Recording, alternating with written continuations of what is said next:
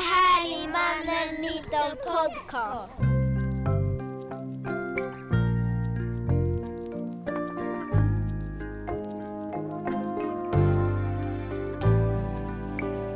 Det här är Mannen Myten Podcast.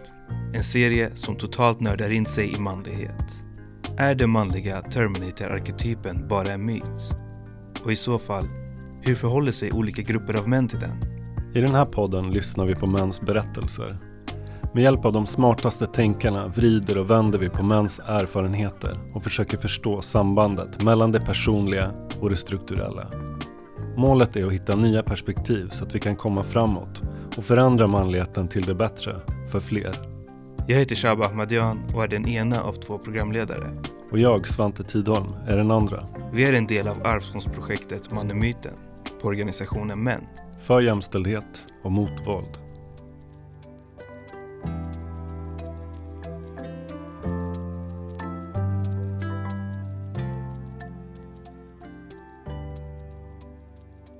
Jag tror att jag växte upp som många andra barn. Med en världsbild av att en man har en snopp och vill ligga med kvinnor. Punkt. Det var liksom huvudingredienserna för att vara en man. Med andra ord, det som inte ifrågasattes. Sen fanns det självklart massa andra aspekter. Helst skulle du ha en stor penis och ligga med många kvinnor. Och på det hade vi tusen andra oskrivna regler som vi behövde förhålla oss till. Det kunde gälla vilken typ av musik du gillar, vilka kläder du bär, hur du kastar en boll, hur du går, hur du rör dig, pratar, ja, typ allt. Ska du vara en man så måste du samla många manspoäng. För risken finns att manligheten beslutar sig för att utesluta dig. Man kan tänka att det är som en vågskål. Det går att ha omanliga attribut, alltså egenskaper som tillskrivs kvinnor. Om man kan väga upp det på andra sidan, typ man kan kasta tjejkast om man är skitgrym på datorspel. Eller bära rosa om man ligger med många tjejer. Det är en svår balansgång och uteslutningen innebär alltid att man blir utesluten som icke-man och homosexuell. Så vi kommer tillbaka till huvudingredienserna. Och det är det det här programmet ska handla om. Alltså manligheten och hur vi förhåller oss till sexualitet och kön. Och, och, för att få hjälp med att vrida och vända på det här så har jag bjudit in Lukas Romson. Och enligt Wikipedia så är du politiker, skribent, jämställdhetskonsult och transaktivist. Välkommen. Stämde Wikipedias beskrivning? Det står nog jämlikhetskonsult, hoppas jag. Jämlikhet, det är jag som läste fel. Ja, det är en vanlig felläsning. Eftersom jag jobbar intersektionellt. Ja, men vi börjar där med min felsägning. Va, men vad tänker du om eh, den här inledningen, beskrivningen av vågskålen? Stämmer den? Ja, men visst gör det det. det är du, jag menar, har du väldigt många manlighetspoäng kroppsligt, eh, att du är liksom, du är den där liksom killen som har, som är 1,85, eh, hyggligt med muskler, eh, ser normativt okej okay ut, eh, lite charm eh, och kan ta för dig bland tjejer, då, då kan du göra rätt mycket utan att sådär ja, puttas ut i något slags utanförskap. Eh, men har du inte det, då behöver du mota upp med någonting annat. Eh, det är mycket tuffare att till exempel vara homosexuell eh, om du dessutom är liksom ja, 1,65, eh, väldigt otränad, lite mage, eh, kanske passerat både 45 och 50 eh, och ganska ljus röst. Eh, då blir det lite tuffare än om du råkar vara den där straight acting-bögen med eh, ja, hela attributet. Liksom. För då, då spelar det inte så stor roll. Då klarar man sig på vågskålen? Liksom. Ja, mm. jag tror att, det, att man gör det. Men vart tror du vi lär oss det här? Vart kommer själva... Alltså för jag tror att man måste ändå bli inskolad till att förhålla sig till de här reglerna. Ja, jo, men det är klart, vi föds ju inte liksom med dem på något sätt. Eh, men vi får ju dem i oss väldigt, väldigt tidigt. Eh, vi, får ju, alltså, vi vet ju att vi skiljer på, på små bebisar eh, när det gäller kön. Eh, små pojkbebisar får, får liksom lära sig att inte gråta redan när de är så små. Eh, därför att det är inte bra liksom. Um, så att vi, vi blir ju itutade här. Först från familj uh, och sen så fort barnet börjar bli lite större så träffar det ju massa andra vuxna. Uh, och träffar andra barn Ehm, via förskolor och, och eller om, eh, på gården och så vidare. Eh, och de barnen har fått lära sig från ytterligare andra vuxna. Och, och sen så, så lärs det vidare så att säga. Så att ungar lär sig normer ifrån vuxna. Och det där är jättespännande att se när man som jag då har, har en transbakgrund, och säga, registrerad som, som tjej från början. Att det var väldigt tydligt när jag kom ut att uh, många barn, i alla fall om de liksom är under pubertetsålder, alltså under tonårsåldern, eh, har en mycket mer okomplicerad inställning. Det, jag kommer ihåg jättetydligt hur jag... Vad, vad tror du det handlar om? Bara? Ja, men de har inte fastnat i att män måste vara på ett visst sätt. Inte ens liksom kroppsligt. Eh, utan, jaha, ja, ja. Du säger att du är kille, ja men då är det väl så. Deras frågor ofta, för barn frågar ju sånt som vuxna inte frågar. Eh, så att den där frågan när du normativt sett inte ser ut som man eller, kill, man eller kvinna överhuvudtaget så är det inte så ovanligt att barn frågar. Är du kille eller tjej? Eh, och de där frågorna har jag också fått såklart. Men de frågar ju bara av ren nyfikenhet. De frågar oftast inte för att vara elaka, vilket då vuxna givetvis kan göra. Men ungarna frågar ju bara för att de vill lära sig. Uh, och så ställer de den där frågan för att de är nyfikna, för det ska barn vara. Och får man då, får, så får de då ett svar. Uh, ja, uh, jag är kille. Jaha, sa ungarna på gatan längre ner så här. Och så säger en av de här små killarna. Ja, men det, det trodde jag hela tiden. Jaha, säger jag lite intresserat. Varför, varför trodde du det? Ja, men du har typ inte blommiga byxor. ja, ja, ja ja, men det har du ju rätt i, säger jag. Så går jag vidare. Liksom så. Någonstans har han greppat att den detaljen ingår på något sätt. Och så fick han ihop det med sin världsbild när jag bekräftade det han hade trott. Eh, och då var han nöjd. Då var det lugnt. Liksom. Samtidigt kan man tycka att det är oerhört tragiskt givetvis att han har fått lära sig att män inte har blommiga byxor. Men han, han var helt på det klara med att, eh, att jag rent eh, utseendemässigt i övrigt nog inte matchade normen. Eh, och han visste säkerligen via sina syskon att eh, jag var biologiskt sett mamma till en unge som var lika gammal som han som bodde fem hus bort. Mm. Men eh, också, jag tänker att handlar det någonting om att barn är liksom någonstans mitt i den här indoktrineringen, om jag får kalla den så. Eh, och, och, att man är lite skonad också Alltså så här att det, man behöver inte, jag, för jag minns det att det var typ, alltså i min uppväxt, att det var så här fritt och det var ganska enkelt tills man började högstadiet. Då var det så här, nu är det det här du ska förhålla dig till. Nu, nu är det stenhårt. Du ska klara av vissa grejer. Och man försöker hela högstadiet bara så här balansera upp det där på något sätt och mår skit. Eh, och, och, det kan man alltså så här, bara så här, om en femårig pojke vill liksom gå runt i klänning i några dagar. Det, det är liksom inte en big deal. Det är bara så här, man testar ju bara något. Men du kan inte få för dig när du går i nian att säga, men nu vill jag gå, till, gå i klänning bara idag till skolan, bara testa hur det är. Då blir det direkt så här, att man, man får den här markeringen att nu har du brytit. Mm men jag tror att den kommer tidigare än så faktiskt.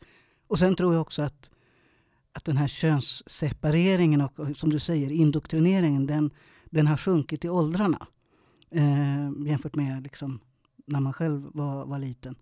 Eh, så att det, de signaler jag får av bekant, vänner och bekanta som har barn både i förskoleålder och skolålder det är att, att eh, gränsen dyker upp när de börjar skolan. Alltså i sjuårsåldern redan. Eh, jag kommer ihåg det som när jag var liten. Eh, och då är det, det här är då 70-tal. Eh, så kommer jag ihåg brytningen mellan mellanstadie och eh, lågstadie. Alltså när man gick över från trean till fyran. Där någonstans kommer jag ihåg att det blev knepigt. Fram, fram till dess hade det funkat. Och det verkar som att den gränsen nu är flyttad ner till ja, kring skolstart. Alltså den har backat några år. Va? Vad, tänker du att det beror på? Um, vi har faktiskt en utveckling uh, rent biologiskt i, i, stora delar av världen att pubertetsåldern sjunker. Uh, alltså barn debuterar i pubertet tidigare. Uh, och det är väl inte helt osannolikt att det här hänger ihop. Alltså så här, en, det är en biologisk aspekt? Ja, det är en biologisk aspekt på den. Att, att den biologiska puberteten sjunker eh, barn debuterar tidigare i, i puberteten. Och det är väl inte helt orimligt att tänka sig att när, när kön börjar bränna till och bli viktigt eh, ur normativa sociala aspekter på allvar för barnen. Det är när de precis kliver in i början på puberteten.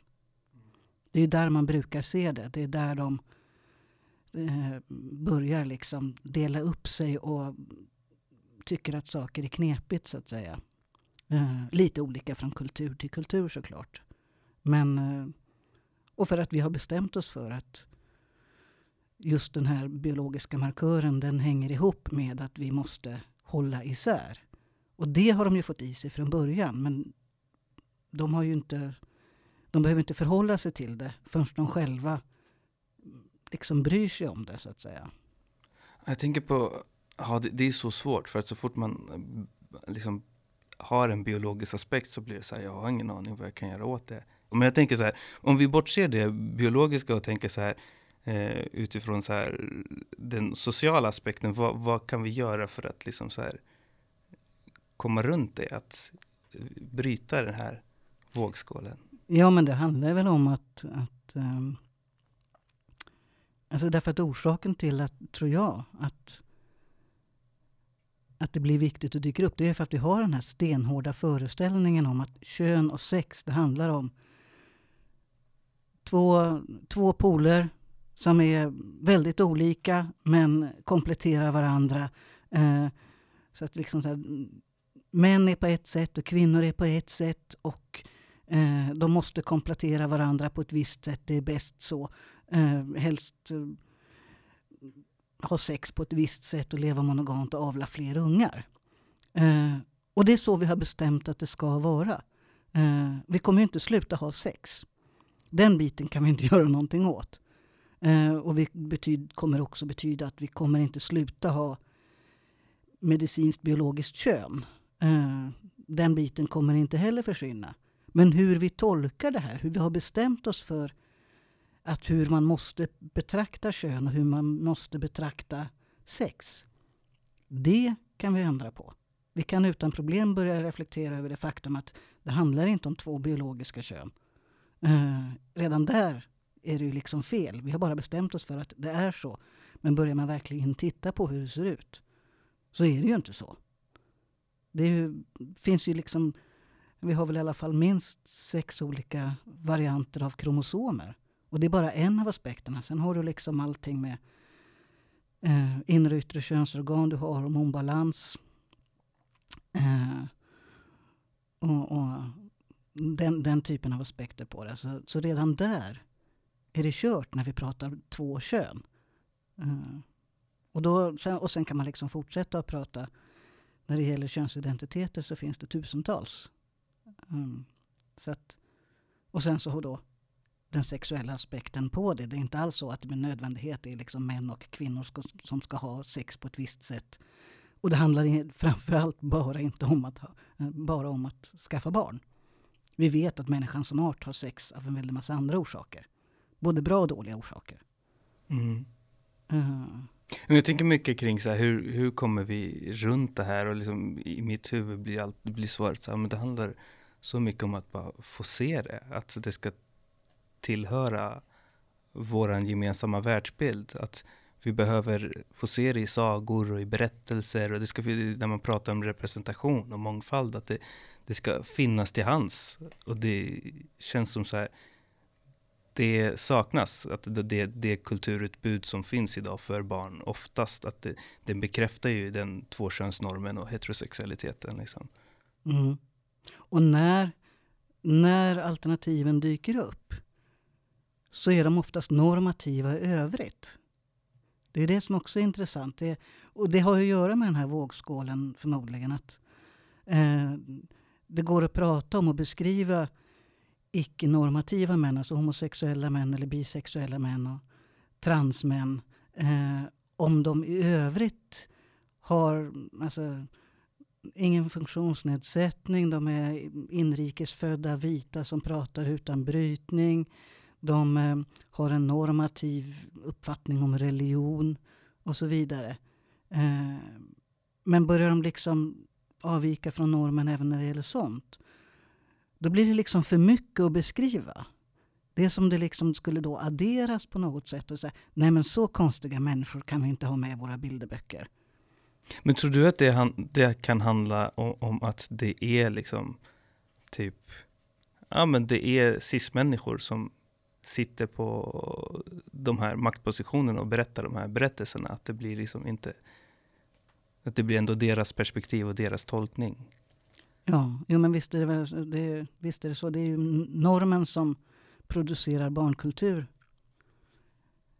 Det ser ju ut som normen i resten av Sverige såklart. Det, är inte, det finns förmodligen inte så himla många hbtq-personer som producerar barnkultur. Det finns förmodligen inte särskilt många utrikesfödda som inte är vita som producerar barnkultur heller och så vidare. Eh, eller folk med funktionsnedsättning. Så det, det, saknas ju. Jag menar, hur, vi har en del barnböcker kring, kring hbtq idag. Tack och lov börjar det dyka upp.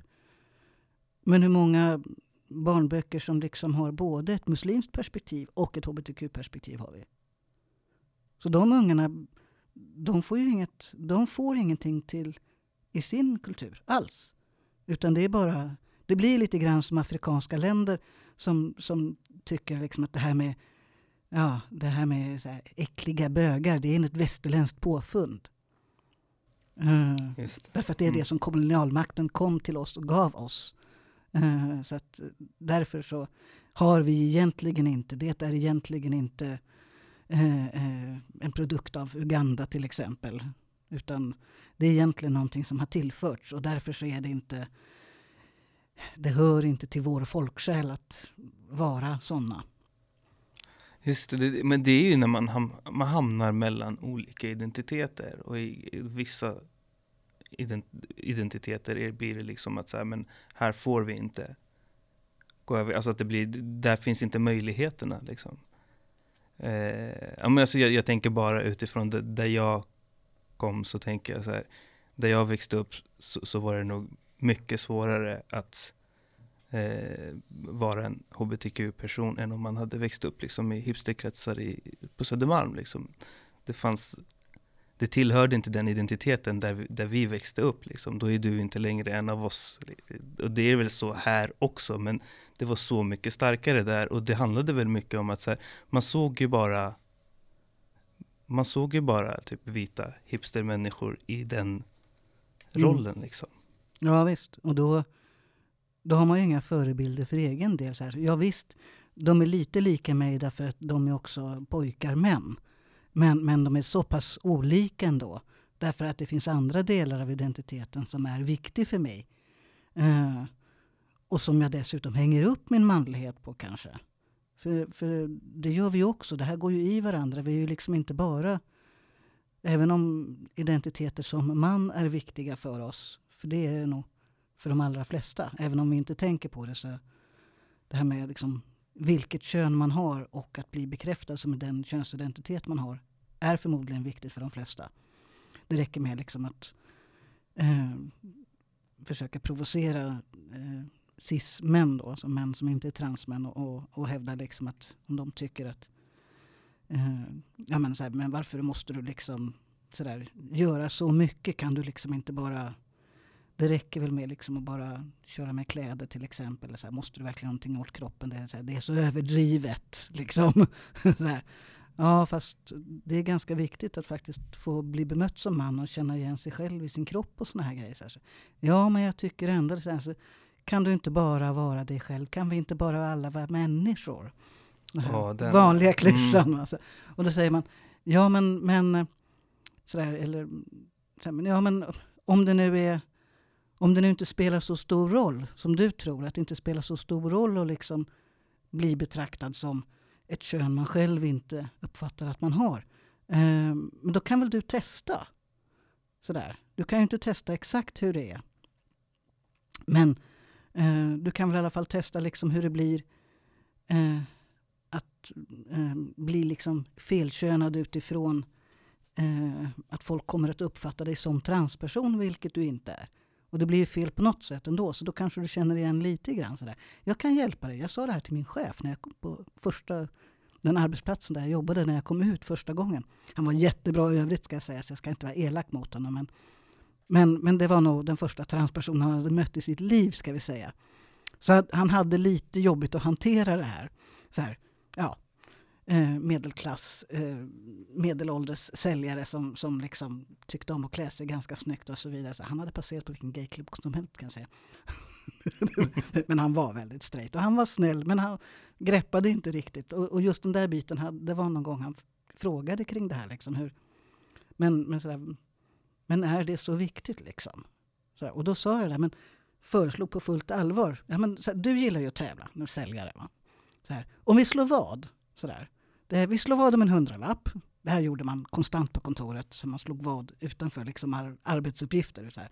Folk slog vad om att jag kan leva på nudlar en vecka. Liksom, det var mina manliga kollegor kan jag säga som tyckte så här, men vi kan tävla om vi kan leva på bara nudlar en vecka. Jag förstår det. Mycket grabbigt. Rätt löjligt. Kvinnorna hakade inte på det kan jag säga. Uh, och men då tyckte, chef, och då tyckte chefen, men, så här, men varför är det så viktigt då? Ja, men, uh, om du testar och liksom, du behöver inte ens köra en vecka, men, men gå ut ordentligt en kväll. Uh, och så klä dig fullt ut som kvinna. Så här, jag har en hel del bekanta som kan hjälpa dig. det vill säga um, man till kvinna transpersoner som var duktiga på det hela såklart. Så de kan, de kan nog få dig att något sånär uppfattas som kvinna. Så där, du är visserligen ganska lång men du har fina drag i övrigt och så vidare. Bara det här att, bara det här att säga att du kan passera som kvinna om vi klär om, sätter på dig andra kläder och hjälper dig med smink. Det är ju oerhört det är provocerande. Ohyggligt provocerande att säga till en straight cisman. Um, och så och så följer du med ut någon kväll på någon, någon, någon gayklubb eller så, eller till och med kanske en, en transklubb. Uh, och, sådär. Och, och så nästa dag så tar vi det här snacket igen. Och om du då säger att det kändes helt okej, okay, det var inte på något sätt ett bekymmer att du blev uppfattad som någonting du inte är. För då kommer ju du att bli uppfattad som, kanske inte med nödvändighet som kvinna, men du kommer bli uppfattad som transperson. Eh, om bara det, att du tycker att det inte, inte var ett bekymmer, då, då tycker jag då fortsätter vi snacket då.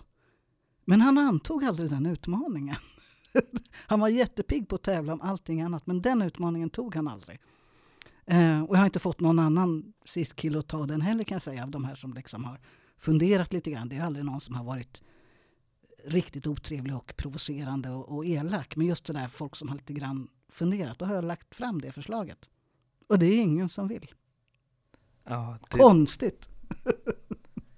Men det, verk, alltså det, det handlar om hela, alltså just att identifierar du dig som, som man så är det verkligen grundbultarna. Ja. Ja, men jag och tror det är att det så sitter... leds, det sitter långt bak alltså att Ja. jag, om jag gör det här så riskerar jag att bli utesluten. Ja. Men det kan, och det är samma sak, man kan titta på eh, nyheter från USA där man sådär, man prånglade ut en nyhet bara för, för några veckor sedan och, och det var ett sånt enormt framsteg att man nu eh, hade lyckats transplantera penis till en soldat som hade råkat ut för en olycka.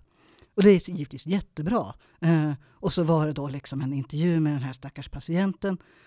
Och man förstår hur traumatiskt det är att, att överhuvudtaget ställa upp. Det fanns givetvis ingen bild.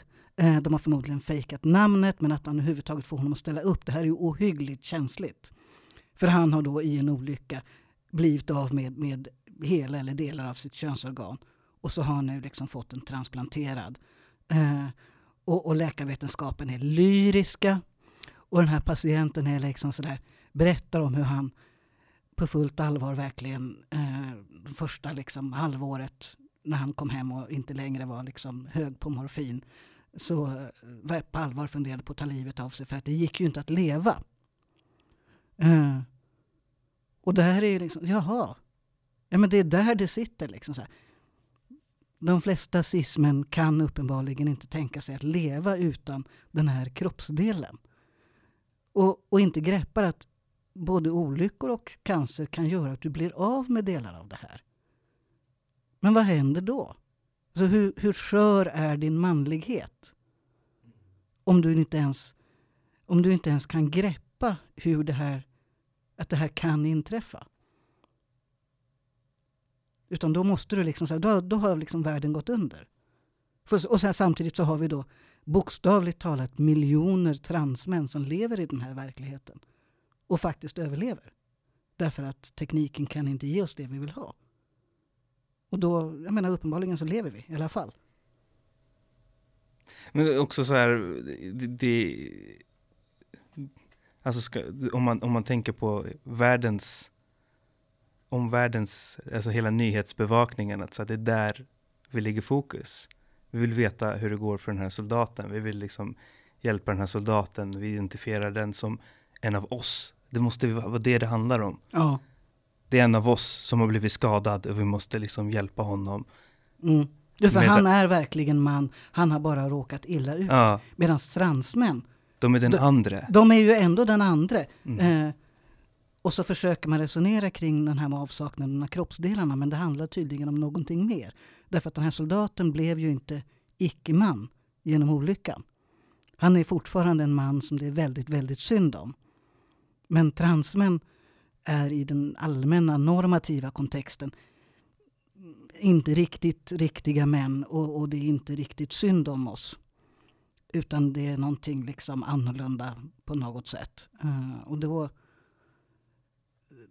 alltså det, jag tycker det är oerhört fascinerande. Den här, dels den här fixeringen vid, vid kropp.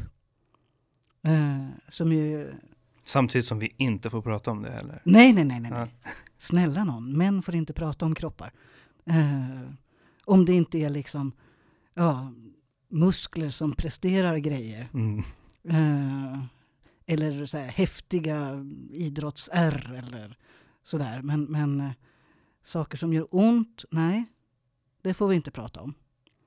Eh, annat än ja, just sådär, ja, om du har skurit dig liksom, eller Sådär. Den typen av smärta går att prata om. Men, men liksom, eh, sådär. Sån smärta som, som liksom inte är riktigt lika hjältemodig. Sådär. Eh, som, menar, allt från magsår till sådär, alla möjliga bitar. Det, det pratar man inte om. Nej. Men jag tänker så här, om, om vi pratar eh, mellanförskap. Och då, då pratade vi igår kväll. Och jag kände igen mig så mycket i liksom, din beskrivning av en känsla. För det är det jag kan, jag kan aldrig känna igen mig i liksom, själva händelserna. Men om man har känt en liknande känsla så kan man förstå det. Eh, och, och, där kände jag den här grejen, att med mina föräldrar, jag tillhör inte dem och det är de. Även om jag vill liksom så här claima den identiteten på många sätt så är det så här, Nej, i de sammanhangen så ser de mig som det andra och i liksom så här majoritetsvita sammanhanget så är jag också den andra. Och eh, jag, jag tror att så här, i perioder i mitt liv har jag försökt så här, claima båda på något sätt. Så här, men nu vill jag vara här, nu vill jag vara här. Och, så här, och så här, pendlat fram och tillbaka tills jag någonstans så landade i att så här, men jag vill inte vara något av det där. Jag vill anta den här mellanförskapen som min identitet. Att jag är det här mittemellan, jag är varken det ena eller det andra. Och bära det som min rustning, att jag är stolt över det. Jag känner, jag känner ju igen, eh, jag känner till termen. Eh, och jag kan ju inte känna igen den utifrån det sätt som du gör. För jag är en här typiskt vit inrikesfödd svensk med, med här, här, släkten kommer från Dalarna, det är bara inavel liksom. Jättetråkigt. Men, men, men det här att, att för det är, lite grann, det är lite grann samma sak som att vara en minoritet i minoriteten. Jag räknas på något sätt aldrig som en, som en riktig bög. Eh, därför att jag, alla vet, eller jag ganska ofta i alla fall, vet att jag är transman. Och en riktig bög med, med de här små fnuttar över liksom är ju, är ju inte en transman utan är ju en cisman. Därför att är det någon manskultur som är kroppsfixerad så är det ju just den. Det är den, här, den riktigt, riktigt homosociala bögkulturen är ju extremt kroppsfixerad. Eh, vid specifika kroppsdelar dessutom, om nu ska vara tydlig så att säga. Eh, och, och transmän är inte riktigt det som passar in i normen. Så, att, så jag passar inte riktigt in där. Samtidigt som eh, det är inte så att jag passar in bland cis-män rakt av heller, eller bland straighta män så att säga. Den här, de män som inte är hbtq-personer. Därför att, därför att jag är transman eh, och jag har helt andra erfarenheter och en helt annan historia. Mm. sen så kan jag, om folk inte vet någonting om mig, så kan jag oftast uppfattas som normativ cisman, till och med en straight normativ cisman. Um, och det, det är jag inte så intresserad av att bli uppfattad som, oftast. Um, um, men spännande nog så har jag... Men vad händer där när man avsäger sig det? Att så här, hur, hur reagerar eh, manligheten när man säger så här, ja, men jag, jag vill inte vara, alltså, för det är också så en grej som, alltså, när jag tänker på så här, att jag, många tror ju att jag vill vara svensk, alltså de säger till mig så här, men du pratar ju så bra svenska, eller du är ju som en av oss. Att så här, det ska vara så här, men du är ju, vi är lite finare och du kan få räknas som, alltså det är det man säger. På, och, och, typ när jag känner så här, men jag vill inte vara det. Och då finns det en kränkthet, att så här, vad tror du att du är bättre? Eh, mm. Och då undrar jag så här, hur reagerar den gruppen cis-män när man säger så här, men jag vill inte jag vet, det, där, det, där är, usch, det, där är, det där har jag svårt för, det är dubbelt. Jag har, jag har inga problem. Jag känner igen det när det gäller, när det gäller, när det gäller sexuell läggning. Det, jag blir kränkt om folk uppfattar mig liksom sådär. Ja, men du, du ser ju ganska så straight ut så du är väl okej. Okay, liksom. skulle folk säga det så skulle jag bli jävligt förbannad. Um, därför att jag inte på något sätt är intresserad av att folk ska uppfatta mig som straight. Däremot så kan jag inte riktigt använda det tänket när det gäller om jag skulle bli uppfattad som cisman. Därför att i identiteten, identiteten man, den kräver att du blir uppfattad som cisman ganska så ofta. Därför att transman är inte positionen transman. Jag kan ju ha en identitet som man och transperson. Det har jag, säga själv inombords. Det har jag inga bekymmer med. Men positionen utåt. Det finns ingen position där du egentligen normativt sett kan vara 100% man och samtidigt vara transperson. Det funkar inte. Normen accepterar aldrig, aldrig, aldrig detta. Så att jag är någonstans, vill jag på något sätt bli betraktad som den jag är så är jag så illa tvungen att köpa uh, att folk ser mig som cisman. Det är det enda sättet jag har. Uh, annars, så, annars blir jag degraderad till någonting annat. Det vill säga en, en icke-man. Ospecificerat liksom. Men är det inte jävligt tråkigt att behöva leva efter liksom normblicken? Att känna sig jag måste anpassa mig till normblicken annars funkar det inte. Jo, men, men alternativet, alternativet är ju att jag aldrig någonsin får vara den jag är. Uh, och problemet är dessutom att jag vet inte om det har att göra med att just könsnormer går så himla djupt och förmodligen är bland det som sätts först i oss som barn. Vi vet ju att, att vi, det första vi försöker avgöra på ny, när det gäller en ny person som vi möter, det är ju könet på personen. Och att många människor blir väldigt obekväma om de inte kan avgöra det. Alltså de här normerna. Alltså till och med när jag är ute och går med hunden så är det det första folk frågar, är det en kille eller tjej? Ja, Jo men det är så här, folk, herregud, folk könar sina bilar och sina ja. båtar. Liksom. Vi, vi, är fixerade. Extremt, det är bisarrt. Uh, och vi kommer väl aldrig att utröna varför det är så här. Därför att vad som är liksom arv och miljö, för ingen kan kliva utanför miljö. Det, finns, det går inte att göra objektiv forskning på det egentligen. Men, men just att, Det är bland det första vi lär oss. ja men det är bland det första vi lär oss. Och, och Alltså det kan ju handla om så här, det här med att man vill förenkla och förstå. Och det här att man behöver fördomar för att, liksom, att det ska, man ska kunna tolka saker. ja, och sen, jo men, jo men det var det jag tänkte att, att eh, jag är inte gripbar eh, eller liksom begriplig för mig själv. Om jag inte på något sätt eh, anpassar mig till eh, att fungera som eller se ut som man. Eh, och jag vet inte om det, jag kan ju inte prata för någon annan än mig själv, men, men för det finns en, en sån här klassisk eh, invändning mot transpersoner. Så här, det går väl bra, liksom, måste du verkligen göra någonting åt kroppen? Det är så, det är så invasivt och det är liksom så stort. Så. Så, ja, men, även om jag skulle leva som, leva som eremit resten av livet så måste jag någonstans få vara begriplig för mig själv. Det handlar inte bara om omgivningen, även om ja, det är klart att vi, vi kan inte leva isolerade från omgivningen, någon av oss. Vi påverkas allihop. Men eftersom, eftersom jag är liksom uppvuxen med normer, med könsnormer, och det är vi allihop. Eh, och de normerna kan inte jag bli av med. De sitter någonstans. Och, och de gör att, eftersom de, då, då, då gör ju de att att jag måste någonstans vara begriplig för min egen del också. Och det där är olika. Så då tittar man på sig själv utifrån Ja. normögon också. Ja, jag menar alltså, Mm. ta en sån här enkel sak. Jag var över 30, det vill säga efter det att jag, jag kom ut ungefär i 30-årsåldern. Jag var över 30 år gammal när jag kände igen mig i spegeln för första gången.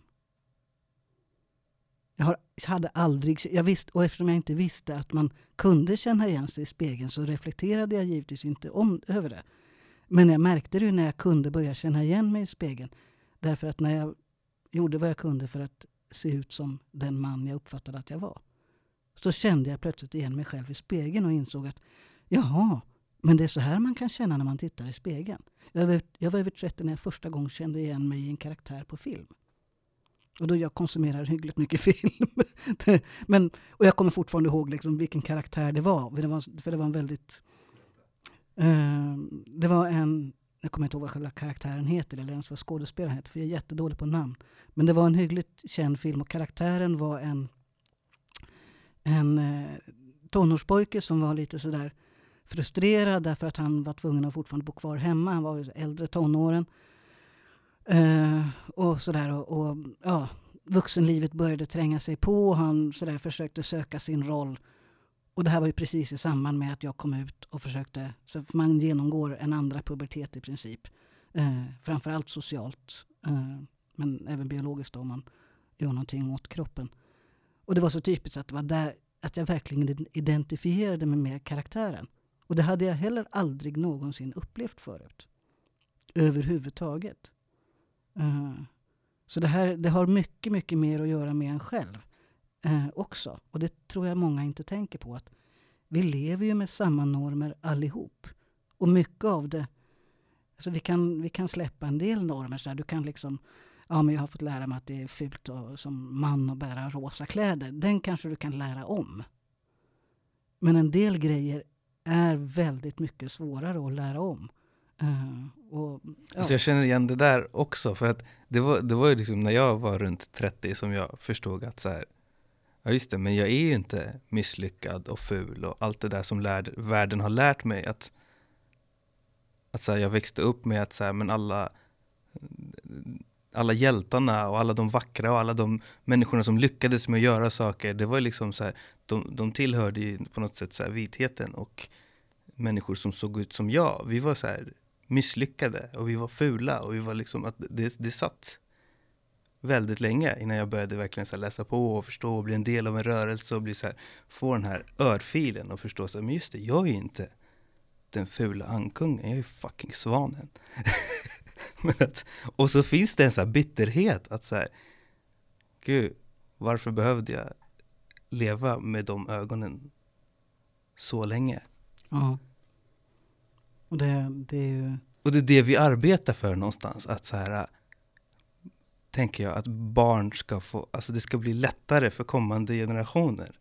Och det blir det väl sakta, sakta liksom. Jo men sakta, sakta så blir det väl det i takt med att man, att samhället, framförallt att samhället blir mer jämställt. Eh, alltså lyckas vi verkligen få till en, ett jämnt uttag av föräldraledigheten, då har vi banne mig kommit långt. För då, det är inte bara det att kvinnor får mycket mer jämställd bit, jämställt på arbetsmarknaden. Det handlar också väldigt mycket om vilka normer vi vidareförmedlar till våra barn. Därför att om barnen plötsligt är hemma för hälften av tiden med, med män. Så dels kommer de männen att ha andra attityd. Det vi ser vi ju, män som är hemma med sina barn när de är små. De tar ut mycket mer vab de, och de, de gör mer hälso, hushållsarbete. Och liksom så här, det, de blir mer jämställda helt enkelt. Det är ett väldigt effektivt verktyg. Eh, men sen är det också så att, att plötsligt så får man ju, som, då får ju barnen en annan bild av vad det är att vara man.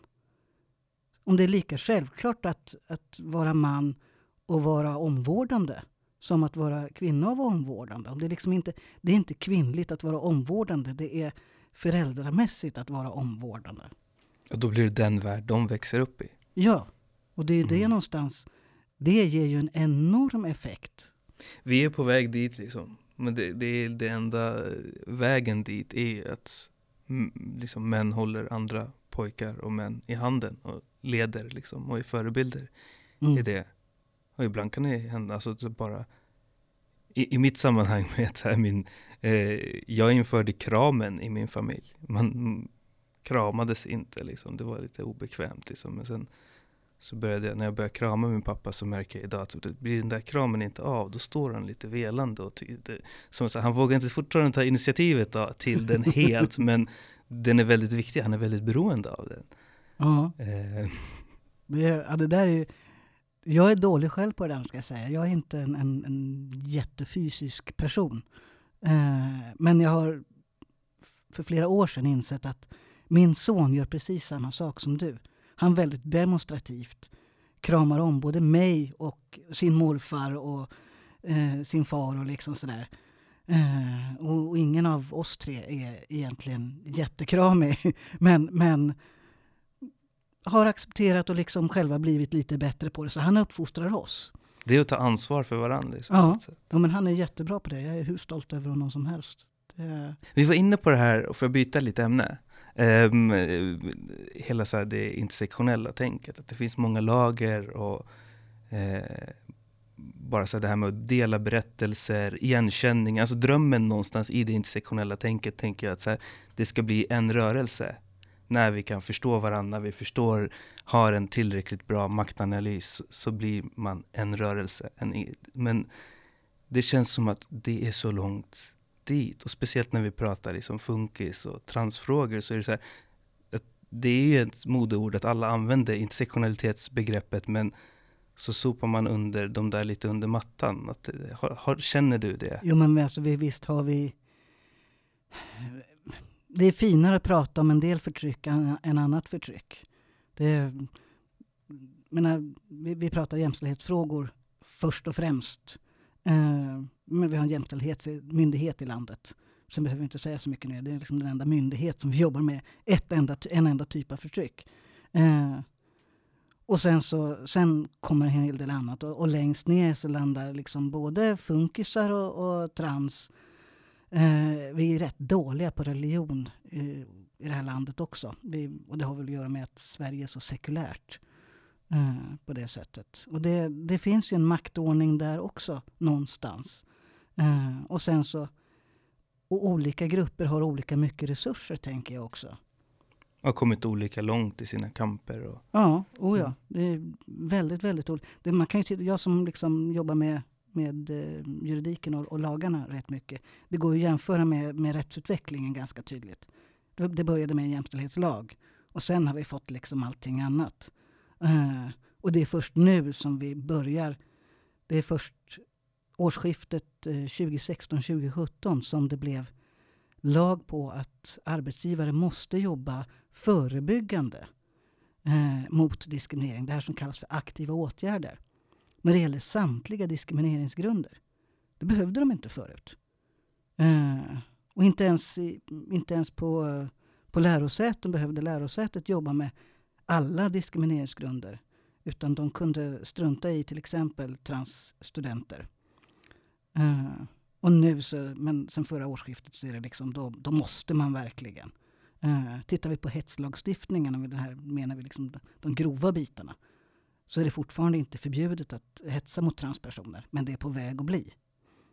Uh, och de här, det kan vi ju se när det gäller alla diskrimineringsgrunder, att vi har de här maktordningarna. Och sen så, och så bevakar alla grupper sina egna framgångar för att de vill inte, de vill, trots att de kanske har mer resurser. Därför att det är alltid så att den som, den som sitter på privilegierna tycker att det känns ojämställt och ojämlikt när andra kräver lika mycket av resurserna. Det är en klassiker. Sådär. Och det, det funkar, så är det ju i alla Känslan av att bli av med någonting. Liksom. Ja, mm. precis. Andra kommer här och tar av det som är mina resurser. Uh, och det, så funkar det ju i alla maktordningar. Och det, och det där har väl att göra med just en grupps utsatthet. Att när folk är otrygga och rädda och känner sig utsatta så är man mindre benägen att, att ta andra i hand och säga ja men jag hjälper dig just nu så kommer du att hjälpa mig senare. För är du, man, har man det tillräckligt tufft då känner man att man inte har någon ork att räcka ut den där armen ens. Och då, då är det kanske upp till andra grupper att räcka, räcka ut armen och säga men vi hjälper dig tills du har resurser och kan hjälpa oss. Det här att se att vissa grupper behöver mer stöd än andra. Och någonstans ha en förståelse för det. Det, det tycker jag, alltså så att man behöver liksom alliera sig med varandra i de olika rörelserna. Mm. Att det är den enda vägen framåt. Mm. Jo men grundläggande solidaritet, liksom, det är anständighet någonstans. Att... Uh, som också ingår i liksom så här, normativ maskulinitet. Man ska i alla fall bete sig hedligt och anständigt. och på det sättet så är det bra. Liksom. Sen är det väl det är lika mycket kvinnligt såklart. Eh, men det ingår ju liksom i klassisk manlig arbetarmoral någonstans. Att, ja, du ska i alla fall stå upp och, och göra vad du kan för andra. Liksom, och inte smita. Liksom. Ska vi sätta punkt där? ja, kanske. Ja. Okej. Okay. Tack så mycket Lukas Romson för att du kom hit. Eh, jag lärde mig jättemycket. Jättekul att prata med dig. Tack detsamma. Det här var kanonintressant.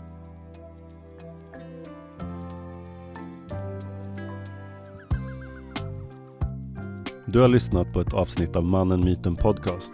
Vi är en del av organisationen Män och är finansierade av Arvsfonden.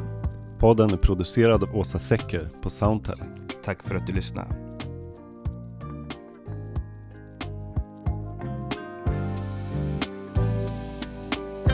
Tack för, Tack för att ni har lyssnat. Hej då! Hej då!